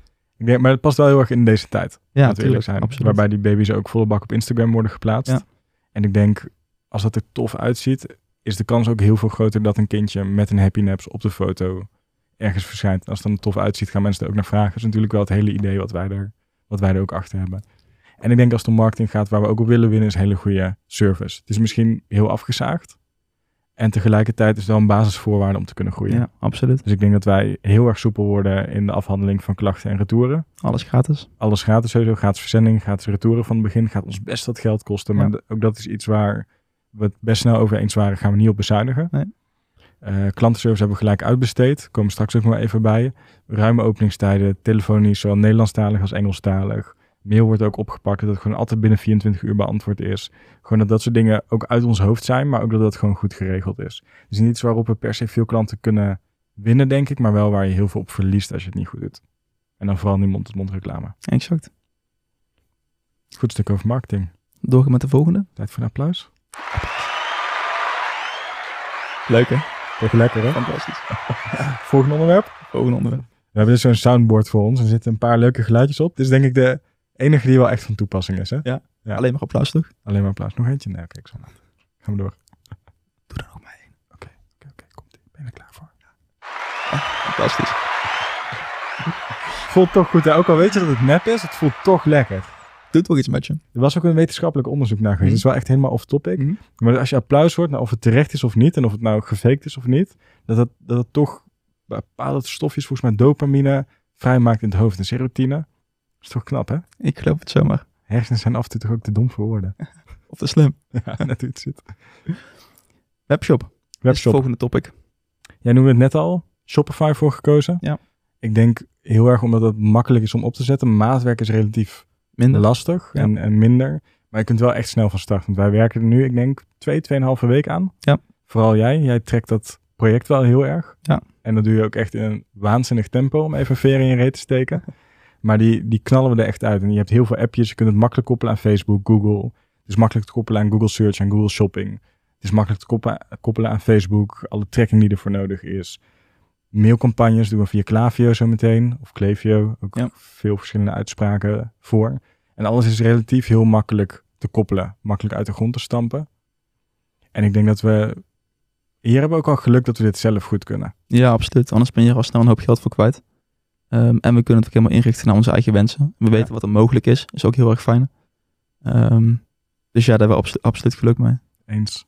En ik denk wel, webshop pakken wij ook wel heel pragmatisch aan. Als in, wij zijn niet bezig om tot in de eindeloosheid te discussiëren over of iets naar links of rechts of groter of kleiner moet. We hebben heel erg zoiets van, we beginnen gewoon, we gaan goed meten Ja. en we zien vanzelf wel wat het, Ja. wat het doet. En Ja. ik denk, optimalisatie van de website komt ook echt pas als je het Hebt staan, Ja. data hebt. Want we kunnen wel met z'n tweeën, dat kan ook echt. Ik denk dat wij prima vier uur met z'n tweeën kunnen lullen over hoe alles eruit moet zien. Maar je, ik denk toch dat je daar nooit het juiste in bereikt. Nee. Als in je, je bent toch maar met z'n tweeën aan het kijken. Je kent het product al. Je, ik denk dat je snel daardoor verkijkt op bepaalde zaken. Ik denk dat je toch die feedback echt uit de markt en van de consumenten terug moet krijgen. Ja. Maar die klantenservice ook wel weer heel belangrijk is. Want daar ga je ook de vragen krijgen van alles wat niet duidelijk is op je website. Absoluut. En ik denk als we eenmaal de bezoekersaantallen hebben, dan komen we vast in de podcast ook nog wel eens terug op AB-testen die we gaan draaien. Ik denk dat we met de prijzen, wat we net al zeiden, echt wel gaan spelen. Ja.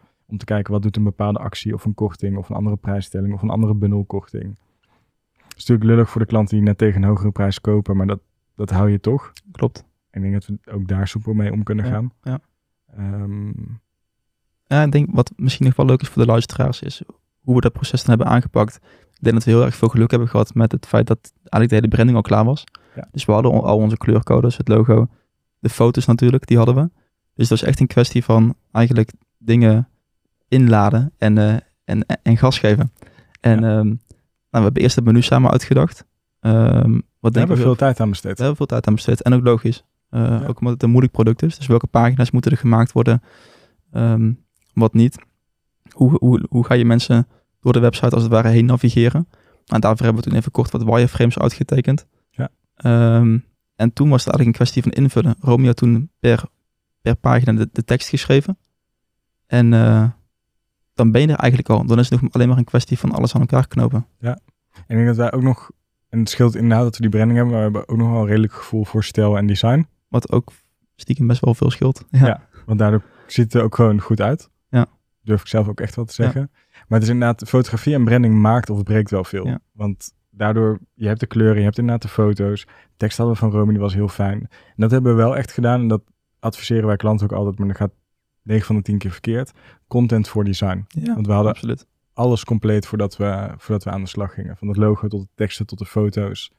En behalve de productfoto's, die worden as we speak, terwijl wij hier zitten, worden die, eh, worden die Ja. nog nabewerkt. Maar dat maakte wel een heel groot, eh, heel groot verschil. Ja. Je hebt heel veel tijd en aandacht aan de FAQ besteed. Denk ik ook wel heel belangrijk bij dit product, omdat het gewoon best wel complex is. Ja. En we hebben natuurlijk twee doelgroepen. De doelgroep die het kent en die gaan gewoon naar de shop en die bestellen. Maar we hebben natuurlijk ook een doelgroep die nog veel, in een veel oriënterendere fase zit. die grootste doelgroep. Ja, dat denk ik ook. Ja. En die vangen we daarmee denk ik wel heel goed af. Ja. We hebben natuurlijk ook filmpjes laten maken hoe het product werkt. Ook best in geïnvesteerd. Ja.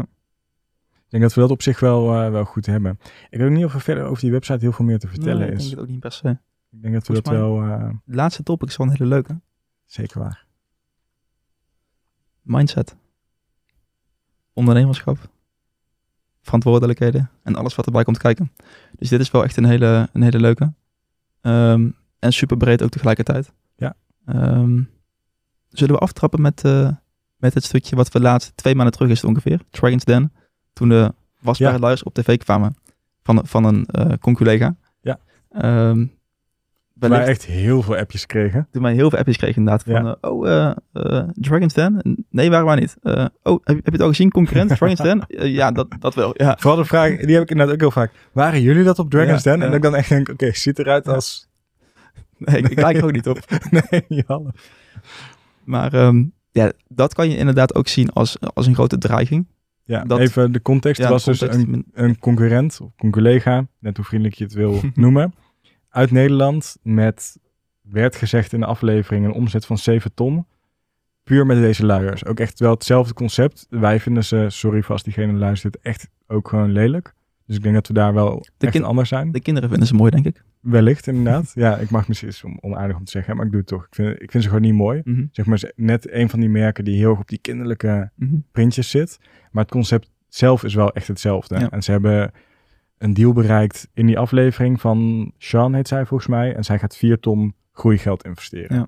Dat is behoorlijk wat. Zullen wij opendelen wat wij investeren Leuk. bij deze De start? luisteraar ook leuk, denk ik. 30.000 euro. Dus Ja. dat is echt een, een druppel op een gloeiende plaat vergeleken met die 4 ton.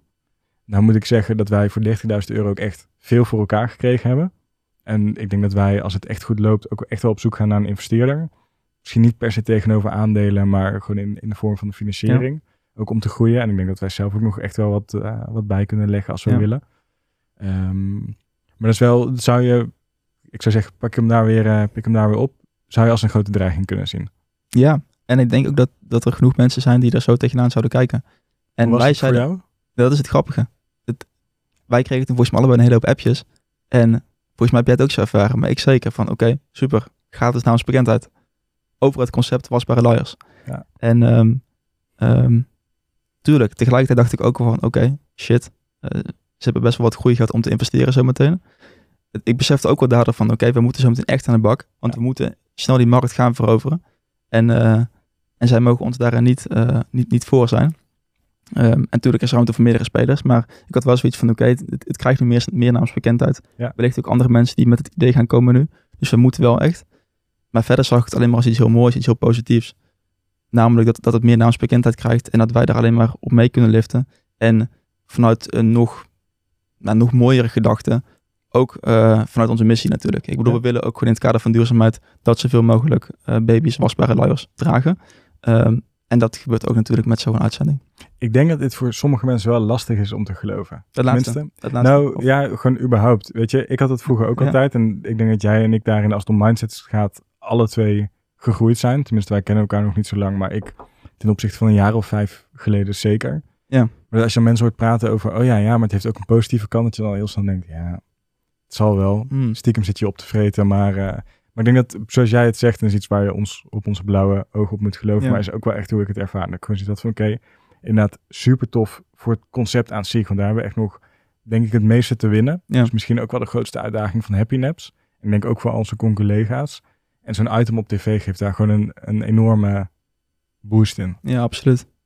En het, het zorgt ook wel voor een soort vuur onder onze rit. Dat we ook zoiets hebben van, precies wat jij net zei, ook echt gas geven. En de timing is ook goed. Eens. In dat opzicht hadden we het perfect ingeschat. Dus wat dat betreft alleen maar positief. En ik denk, het geeft mij ook wel veel. Want ik zou ook niet, en ik denk jij ook niet, maar als, als een van ons drie daar stress van zou Ja, krijgen. En dan, en dan heel erg wordt van, oh, we moeten meer opschieten of meer tempo Mhm. zetten. Of dat je dan gaat versnellen en dan daardoor steekjes laat vallen. Mhm. Ik zou daar niet mee kunnen dealen. Nee. En ik zou daar, daar zou ik stress van krijgen. Als, dan, als jij stress zou, gestrest zou raken van zoiets, ik zou dan echt ja, ook heel snel Ja. die stress meevoelen en dan zoiets van, oh, kut. Dat is ook wel grappig. Ik ben best wel gelukkig geprezen dat ik heel veel mensen om me heen heb. ehm, die allemaal dat niet zo snel voelen, die stress. En grappig genoeg zie ik het ook vaak bij ondernemers. Dat ze dat minder hebben. Misschien ook omdat ze er wel mee Minder- moeten leren dealen, als het ware. Dus dat ondernemers minder- over het algemeen minder ja, stress minder ervaren. stress ervaren. Dus wel stress misschien hebben, Oeh, maar minder zo. het met je eens ben. hè, Dat het wel heel erg ondernemersafhankelijk Ja? is. Oké, vind ik grappig. Bijvoorbeeld als ik het betrek op, op eh, andere vrienden die dan niet ondernemen of... Ik wil ook niet alle ondernemers en mensen in niet over één kam scheren, dat absoluut niet. Doe Maar het. is bijvoorbeeld gemak, doe ik het nu, nu wel. hè? Kleine disclaimer. Ehm, maar ik zie wel heel vaak dat ondernemers zich wel flexibeler op kunnen stellen en dingen een stuk sneller zien als kansen. En ik vind het super fijn dat heel veel vrienden van mij ondernemers zijn. En ik moet af en toe ook wel eens slikken als ik dan praat met een typische niet-ondernemer Mhm. die alleen maar dreigingen ziet. Ja. Dat ik denk van, yo, weet je, rustig aan. Het, het, het, Het- komt, het komt ja. goed. Of we maken er het beste van. En al gaat het niet goed, dan heb je er een mooie les uit geleerd. En eh, ja, Dus ook, ook super cliché, maar ik geloof ook wel echt, het is ook net wat je aandacht geeft groeit. Dus ga je aandacht geven aan die obstakels Ja. en aan die beren op de weg, dan groeien die. Ga je aandacht geven aan het, de positieve kant ervan, zoals wij dat ook doen, kom je ook op creatieve ideeën om te gebruiken. Ik denk dat dat ook Absoluut. wel een, een groot verschil is. mooi gezegd. In mindset hebben we nog iets, denk ik, waar wij, en dat is misschien wel het saai af en toe, maar wij zijn het echt wel over heel veel dingen eens. Maakt het voor ons heel makkelijk. Dus Ja. misschien is minder, Ja. iets minder spannend om naar te luisteren. Maar als het gaat om het werk uitbesteden, hebben we al een paar keer kort aangestipt nu, in het afgelopen Ja. 50 minuten. Ja, heb je het bijgehouden? Ja, voor- of misschien zijn we zelfs al een uur bezig. De volgende keer moeten we beter timen, maar volgens mij 50, 55 minuten. Maar het is natuurlijk het, het uitbesteden van werk. Want ik denk dat dat ook wel is omdat jij en ik er altijd weer iets naast hebben. Mm. Maar zelfs als dat niet zo was, kiezen wij er relatief snel voor om werk weg te leggen van Ja. onszelf. En zelf heel erg te focussen op waar wij goed in zijn en waar onze kracht ligt. Ik denk dat dat ook, en dat is het mooie aan ons, op hele andere aspecten ligt. Mm. Wat jij al zei, als we gisteren bij het fulfillment center staan en de shit is aan, dan heb ik het redelijk snel weer op de rails. Zou andersom denk ik anders zijn. Absoluut. Tegelijkertijd, als ik die hele Shopify shop uit de grond zou moeten stampen, dan zou ik dat op een totaal ander tempo doen dan dat jij het doet. Ja. En dat gaat, daar zit bij jou echt gewoon voor mijn gevoel van 7 uur s ochtends tot 1 uur s'nachts zit daar een soort Maakt niet uit. Ik ga maar door. ja, sneltreinvaart achter. Ehm, maar wat hebben we allemaal uitbesteed? Branding? Branding aan het begin. Ja. Iets wat, wat continu wordt uitbesteed is klantsupport. Ja, dat doen we, wat we net al zeiden, mail en telefoon licht Ja. extern. Ik vind dat eerlijk gezegd ook best goedkoop. Weet ik nog niet. Moeten we nog ervaren Ja, uiteindelijk. hangt natuurlijk Maar- af van het aantal contactmomenten, maar in Zoals het nu principe klinkt. Wat is het? 3,50 per, eh, per mail en telefoon? eh? 3,50 per contactmoment. Of dat nou in de live chat een, een telefoon of een mailtje is. En een bereikbaarheidsfee van 35 euro per maand. Ja, prima. Daar Daarvoor- zet ik het graag vooruit. Ik wil daarvoor niet zelf de telefoon opnemen. Nee. Zeker ook, dat weet ik, want ik heb het voor Visum Vietnam Mm. best een tijd, ik denk een week of twee, drie zelf gedaan. Gewoon om te ervaren hoe is het om, ik ben natuurlijk heel erg B2B communicatie gewend met, Ja. met marketing managers, e-commerce managers, directeuren. En je hebt dat hetzelfde. En ik wil dus weten, oké, hoe is het met consumenten? Maar ik werd er echt poepzagrijnig van. Mm. Want die zijn, ik weet niet, die leven ook in een soort wereld waarvoor ze denken, oké, jij bent hier om mij te helpen. Mhm. En ik mag zo onbeschoft doen als ik zelf wil. Ja. En ik betaal jou toch, dus eh, regel maar dat het gefixt wordt. Ik werd van die houding echt, echt heel veel respect voor mensen die daar dagelijks mee omgaan. Ja. Ik kan dat dus echt, eh, echt niet. Ehm branding uitbesteed, klantservice uitbesteed. Ehm fulfillment vanaf het begin. We hebben natuurlijk ook echt de afweging gemaakt. Sommige dingen zijn zo vanzelfsprekend dat we het gedaan hebben dat ik het bijna vergeet. Maar Maar ja, afweging gemaakt. Ik denk dat die voor ons wel heel snel was beslist, toch? Ja, Dat maar we we- hebben, ook al het maar een minuut geweest, we hebben wel natuurlijk, gaan we in het begin, want dan hebben we maar wellicht de eerste week een paar pakketjes. Gaan we het zelf doen of gaan we het uitbesteden? Ja. Ik moet nu al één keer per week voor eh niet nummer vast een, eh, een pakketje op de post doen. En dat vind ik echt wel een dingetje, iedere Ja. maandag. Ehm, dus ik ben heel blij dat we daar geen rekening mee hoeven te houden. En ook met alle retouren en dergelijke. Dus ik ben super blij dat het dat in ieder geval is uitbesteed. Want daarmee hebben we feitelijk alle operationele taken. Naast ons neergelegd. Ja, Ja. want de klantenservice is er eentje. Is ook heel tijdspecifiek. Als, in, als er iemand belt, Ja. moet je opnemen. Ja. Het verzenden moet ook, willen we ook gewoon dezelfde dag kunnen doen. Hoort bij deze tijd. Retouren afhandelen, geld snel op de rekening terugstorten, hoort er ook gewoon bij. Ja. Het zijn allemaal dingen die best veel op het moment zelf vragen. Dus jij of ik op vakantie willen, dan moet je gaan afstemmen, dat soort dingen. Ja. Die hebben we echt wel uitbesteed. Zijn er meer dingen?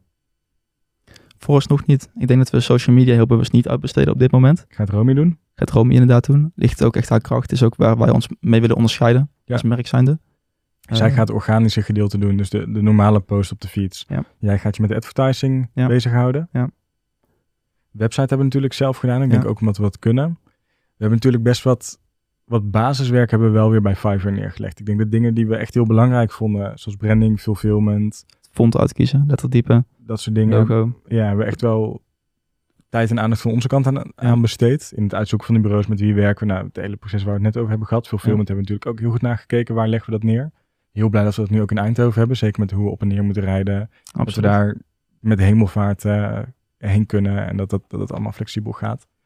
Ehm, ik denk simpele dingen zoals icoontjes leggen we dan wel weer bij Fiverr neer. Ja. Het laten maken van infographics leggen we bij Fiverr neer. Is gewoon goedkoper. Ja. Niet per se makkelijker, maar is prima. Het zijn ook geen dingen die jaren mee hoeven. Wel snel altijd, dat is wel heel prettig. Ja, je hebt het binnen maar een paar dagen. Ja, drie dagen vaak. Maar ik zie ons dit ook wel blijven doen. Ik denk, Romi's rol ligt natuurlijk heel erg op de social. Advertising Mhm. wil natuurlijk heel erg in huis houden. Maar ik denk, al het andere werk waar wij geen energie uithalen. Dat is het eigenlijk, hè? Geen energie uit, eh, uithalen. Ja, Dan willen we het naast ons neerleggen. En ik denk inderdaad ook voor de luisteraar die misschien zelf een, een merk op bod gaan zetten op een dag. Als je er wel energie van krijgt om die klantsupport te doen, ook prima. En je hebt er tijd voor, prima. Maar wij worden er allebei echt niet gelukkig van. En dat was ook de vraag die je mij eh, stelde in de auto van, stel je zou je even tijd hebben en je zou die klantsupport kunnen doen. Zou je het dan doen? Ja. Ja, nee, nog steeds niet. Je krijgt er gewoon echt geen energie van. En natuurlijk, uiteraard, dit is heel makkelijk gezegd. Je moet altijd even kijken naar, naar de kosten die daarmee gepaard gaan.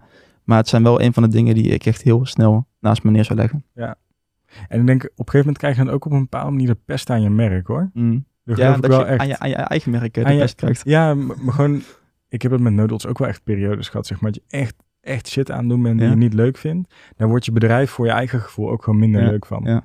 En ik denk dat is, en bij Noodles ben ik daar nu ook een stap verder mee. Dat is niet meer het geval. Maar met Happy Naps hebben we dat, en dat is echt wel een lekkere positie vanaf het begin gewoon goed geregeld, zeg Mm. maar. Ik vind alles wat we met Happy Naps aan doen zijn, vind, vind ik gewoon leuk. Want alle shit die niet leuk is, die Besteden we uit. flikkeren over de schutting, wil Ja. ik zeggen. Ja, Maar, ja, ook. Mag ook. En dat is dan ook wel weer het mooie. Dat vind ik altijd grappig. Ik had er laatst met iemand over. Maar dat je... Er is altijd werk wat je zelf kut vindt om te doen. Er is altijd iemand die dat wel leuk vindt. Er zijn mensen die met heel veel passie voor de klantenservice. Er zijn met mensen met heel veel passie met, met logistiek en fulfillment bezig. Er zijn allemaal dingen waar jij en ik niet aan moeten denken. Zoals er ook genoeg mensen zijn die zeggen... Oh, doe maar alsjeblieft geen dag achter de computer. Mhm. Doe ik gillend gek. Terwijl, zet mij 24 uur achter een stuk aan een laptop en ik ben echt wel happy. Maar dat is wel het mooie. En ik denk, dat vind ik ook wel tof aan werk uitbesteden. Je geeft het ook weer aan iemand door die er, die er wel van kan Mhm. genieten. Dus Mhm. ik denk dat het voor iedereen beter is. Het kost Mooi. alleen wat geld, maar Mooi verwoord ook. thanks. Ja. Hadden we nog meer dingen als het ging om... Ik denk, Volgens mij wel. ik denk dat dat nog misschien nog... Ik weet niet of het daarop staat op, Mhm. het, op het briefje, maar wel een hele toffe is. We hebben de verantwoordelijkheden natuurlijk als het gaat om, Mhm. om de, de Romy, jij en ik. Mhm. Die hebben we wel echt heel erg duidelijk gescheiden vanaf het begin. Ja. En er zit heel weinig overlap in het werk wat wij doen. En we- het is eigenlijk heel natuurlijk gegaan, dat proces. En ik denk ook omdat we verschillen als persoonlijkheden.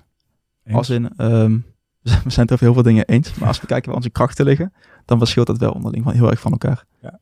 En ehm, ja, ik zou er bijvoorbeeld echt totaal niet goed van worden om continu met contracten bezig te zijn. Of ja, continu is een groot woord. Of prijsonderhandelingen of, of, of dat soort Ja. dingetjes. En ehm, ik, ik, zou er, ik kom er ook vaak niet op. En als we dan bijvoorbeeld ons werk of alle producten neerleggen bij het fulfillment center en dan moet daarvoor een verzekering afgesloten worden, denk ik, oh ja, tuurlijk, logisch. Maar iemand moet het mij wel eventjes vertellen. Ja. En dat zijn wel dingen waar jij continu altijd op komt. En Ja. ja, ja daar heb ik, heb ik en Romy heel erg veel geluk mee. Ehm, en zo vullen we elkaar denk ik heel erg aan. Ja, dat denk ik ook. En dan, ja, andersom. Ik denk, maar ik denk, daar zit ook wel de kracht in dat het bijna niet overlapt. Als in, Mm. jij wil niet op mijn stoel zitten. Sterker nog, tegenovergesteld, Mhm. jij wil alsjeblieft niet op mijn Mhm. stoel zitten. Ik weet hoe het is om de marketingcampagnes in te richten. Als in, ik heb het zelf ook gedaan. En nu doet het, bij Noodles doet het team het. Ik vind, dat, ik vind het leuk als het draait en om te zien hoe het is. En, en ik vind marketing fantastisch. Maar echt dat instellen, krijg ik geen energie van. Word Ja. jij heel vrolijk van. Ja. Organisch is denk ik ons beide ding Minder. niet. Kost vaak veel tijd, hè? Ja, en, en ik vind dat minder, minder rewarding, denk ik, omdat, zeg maar, als wij een campagne live zetten, Dan zie je zeg maar, je zet hem aan, je zet een kop koffie, nou oké, dat is overdreven, maar serieus, als je dan gaat koken, sorry Ilona, doe ik niet heel vaak, dat is mijn vriendinnetje, die kookt bijna altijd, maar als je gaat koken, je eet avond en je, je kijkt erna op de, op de resultaten, dan zie je Ja. gewoon al, loopt die campagne wel goed of niet goed, klikken mensen door of niet, heeft het een bereik, soms zie je gelijk al een aankoop, dan is het al helemaal gaaf. ik denk, zeg maar, er zit gewoon een soort, soort instant gratification Mhm. achter. En Mhm. die heb je niet met organisch. Klopt. moeilijker te trekken, het is moeilijker te meten. Organisch bereik is tegenwoordig best wel beperkt. Mhm. Ik ben blij dat we Romy hebben. Absoluut. dat eh, Nog meer dingen daarover die, eh, die we goed hebben ehm aangesplitst qua verantwoordelijkheden? Nee, ik denk dat zeg maar zo'n beetje strategie, marketing, product, zeg maar, zo Ja. zie ik ons drieën wel, Ja. wel in grote lijnen. Ja. En ik denk ook dat we niet per se de behoefte hebben om iets te vinden van elkaars werk. Als in, Mhm. ik denk dat we altijd wel iets vinden van elkaars werk, maar ik denk dat we ook heel erg dat vertrouwen onderling hebben. Ja, En als jij zegt, dit gaan we op die manier doen, dan denk ik prima. En Ja. als Romy zegt, dit gaan we op die manier doen, denk ik prima. En als ik jou toen straks bel over, het ging dan over even een, een contactmomentje met een van die ouders, wat ik op een andere manier aan wil pakken. Dan zeg Ja. jij ook, ja, oké, prima. ik zou het misschien anders doen, maar prima, doe lekker je ding. Zeg maar, daarin gaan we ook niet elkaar proberen te overtuigen. We hebben bijna nooit discussies. Mhm. Terwijl, misschien denken we wel eens van elkaar van, nou, ik zou dat anders aanpakken, maar we, we Nou, laten dat best lekker we los. leggen dingen ook snel op tafel. Ja, we hebben het er wel over. We, we tikken het wel aan, denk ik. Het is niet dat we het voor ons houden, want dat zou ook niet werken. Daar heb je wel gelijk in. Maar ik denk dat het wel scheelt dat we, Ja. dat we er dan ook niet in blijven, blijven hangen. En nu vertel je het ook zo, en dan ben ik ook heel erg blij mee dat, dat we dit hebben. Als in, ik, vaak dan gebeurt het ook heel onbewust. En dan sta ik er niet bij stil dat die, dat die verhouding zo, zo prettig ligt. Maar stiekem is het heel veel waard. Ja. Want Ja, het kan ook heel anders natuurlijk. Eens. En ik denk dat er ook echt wel irritaties zijn. Het is ook niet alleen maar... ja, eh, de afgelopen week prima wat, eh, wat, eh, wat, wat irritaties geweest. Wil je eens even bespreken, podcast? Doe je dat achteraf? Doen we achteraf bij de volgende. Ja, is ook langer voor nodig. Nee, nee, Nee, helemaal, niet, denk- helemaal niet. Nee, maar ik denk dat we... Dat, dat je zo alle twee je dingen hebt waarvan je denkt... Kan het niet even anders? Exact. Maar ook dat is mooi. Spreek het uit, stip het aan. Ja. En dan denken we ook, oké, en we door. Prima. Ja. ja. Leuk, man. mooi Toch? man. Ja. Andere dingen? Dit zijn ze, dit zijn de kaartjes. Ik denk dat we hiermee oprecht ook, volgens mij zijn we iets over het uur heen gegaan. Maar ik heb wel het idee dat we gewoon letterlijk, Afgelopen vijf maanden. we samengevat. ja, Ja. en ook echt wel goed en volledig. Dit zijn ook wel alle aspecten die erbij komen, komen kijken. En dat vind ik ook wel heel tof dat, dat jij ook gelijk zei van laten we het doen. Open zijn in alles. Dat we 30k in geïnvesteerd hebben. Dat we vrij open zijn in, in wat ieder aspect gekost heeft en hoe we het zien. Ik denk dat, dat dit ook wel waardevol maakt om naar te luisteren. Wat misschien nog leuk is als afsluiting, wat verwachten we van de eerste maand? We gaan natuurlijk ook omzet delen. Teller staat nu op eh 0 euro Ja. of min 30.000, net hoe je het ziet. Ja. Ehm, wat verwachten we van de omzet de komende periode? Daar we hebben wij er onderling ook niet over Nee, hier hebben we het niet over gehad. Nee, dat is lachen. gek, Dus ik, gek genoeg. ik ga jou laten beginnen. Wat verwacht je van de eerste maand een aantal orders en omzet? Ik ga mijn rekenmachine erbij Ja? pakken. Ja. Ehm, want we hebben voor een, eh, een, een ton aan voorraad, zoiets toch? Ja, verkoopwaarde van de voorraad is we hebben voor 15k dan ongeveer ingekocht Ja. in de euro's. En de verkoopwaarde is volgens mij 1,2 ton. Maar daar hebben we wel echt wel een inschattingsfout gemaakt. Want we hebben die inserts ook veel te veel besteld per ongeluk. Een ander foutje wat we volgens mij niet per se benoemd hebben, maar ergens een, een rekenfoutje gemaakt. Dus die gaan we niet zo snel kunnen verkopen. Zeg, zeg 80k of zo. Ja, precies. Ja, weet je, als die ROAS, die return on spend goed is, dan kunnen we natuurlijk eh, de kraan openzetten en dan kunnen we heel snel uitverkopen. Eh, maar dat is echt een luxe positie. Ik ben me ook wel heel erg van bewust dat, dat we in het begin het merk zijn natuurlijk. En als mensen ons gaan googlen op re- recensies, reviews, Niks te eh, dat er niks te vinden is. Nee. En dat zijn dingen die tegenwerken. Wat ik ook zeker weet is dat we meer gaan verkopen op het moment dat er wat baby's met die liars lopen. ja, of ja, mond kruipen. mond reclame, gewoon de momentum wat je meepakt. Precies. Ja. Ehm, dus dat, dat hebben we allemaal niet. Ehm, maar ik denk nog steeds dat we, dat we lekker van start gaan. Ik wil een getal. Ehm, omzet, eerste Omzet. maand. Ehm moet het wel even terugrekenen naar aantal orders. Want dat eh, Ja? zeggen, we hebben een gemiddelde orderwaarde van bijvoorbeeld, dat is ook wel een leuke, 175 euro. Ik denk dat mensen aan het begin minder inkopen Mhm. en daarna best wat. Meer. Maar nu ga ik ervan uit dat iedereen als het ware ook meteen meer inkoopt. Mhm. Dus ik denk dat die iets minder is. Zeg, zeg 150 euro gemiddelde orderwaarde Ja. denk ik. En ehm, dan denk ik dat we, ja, zeg de eerste maand, eh, ik heb echt geen flauw idee. Ik zou zeggen eh 40k gaan we voor. 40k de eerste maand? Nou, vijf- 35. 35. 35. Dus Ja, dan ja. zeg je 35k eerste maand. Delen door die 150. Dan zeg je dat we 233 orders in de eerste maand hebben. Oeh, dat lijkt me wat veel trouwens. Ehm, een klein beetje naar beneden. Hoeveel, hoeveel orders zei je? 233. Dus dat Ja, zijn in de eerste eh, maand eh, 7 per dag. Eh, nee, lijkt me te veel. Ik zou zeggen, eh, ambitieus 150. 150 orders. 150 keer een average order value van 150. Dus jij zegt 22.500 euro Ja, omzet ja. eerste maand. Oké, ben je optimistischer dan ik? Ja? Ja. Vind ik wel vet. Ik ben vaak... nou, ik Ja, niet. ik, ik ben dan weer anders aan het rekenen. Ik denk dan... Nou, ik denk de eerste week zullen we... Ben ik blij als we een paar, een handvol orders binnenkrijgen. Ja, de eerste denk, week. De eerste Ja. week wordt echt, echt bouwen. Klopt. De ad campagnes live zijn we echt aan het, waarschijnlijk aan het blunderen, aan het, aan het proberen, aan het testen. Ja. Budgetten nog niet volle bak. Zeg dat we in die eerste week vijf ouders bereiken. Een order, order per dag. Ik denk dat die, ik ga er dus wel vanuit dat er gelijk een mix is. Want ik denk dat de ouders zijn die, we gaan natuurlijk ook op Google adverteren op, Ja. het, op het zoekwoord Exact. eh, wasbare luier en dat soort dingen. Dus dat zijn mensen die echt dat concept willen, die misschien ook wel wat meer kopen. Dus ik denk, ik denk dat jouw average order value wel goed zit. En ik denk dat we die ook vanaf het begin wel gaan halen. Zeg een 150 euro. Sommigen gaan voor twee tientjes kopen, sommigen Mhm. voor 400. Ehm, en zeg dat we daarna vanaf iedere week verdubbelen. Dus vijf de eerste week, tien de tweede week, 20 de derde week en Mhm. dan 40 de vierde week. Klinkt redelijk. Ja, en dan kom ik wel een heel stuk lager dan jou uit. Ja. Want dan zit ik op 75 orders. Keer 150 is 11.250 euro. Ja, dat is de omzet. helft. Ja, is dat- het mooiste als het ergens tuss- als er tussenin komt, dan Ja, zou het liever, mooi liever meer. Liever meer, ja. Nee, we gaan Ja, het zien. benieuwd. Hartstikke tof. Echt heel chill om dit zo vast te leggen. Ja, absoluut. Ik ben benieuwd hè, als we over eh, 20 jaar ergens zitten. Hoe we hierop eh, terugkijken. met een biertje en dan eh, lekker luisteren Ja. naar eh, de jonge versie van onszelf. Dan hebben we er op, op zijn minst twee mensen van kunnen genieten. ja, dat is zeker waar. Alright, gaan we lekker afsluiten. En dan zijn we er met een, eh, ik denk een paar weken weer om eh, te reflecteren op hoe onze lijst is gegaan. exact. Tot dan. Tot dan.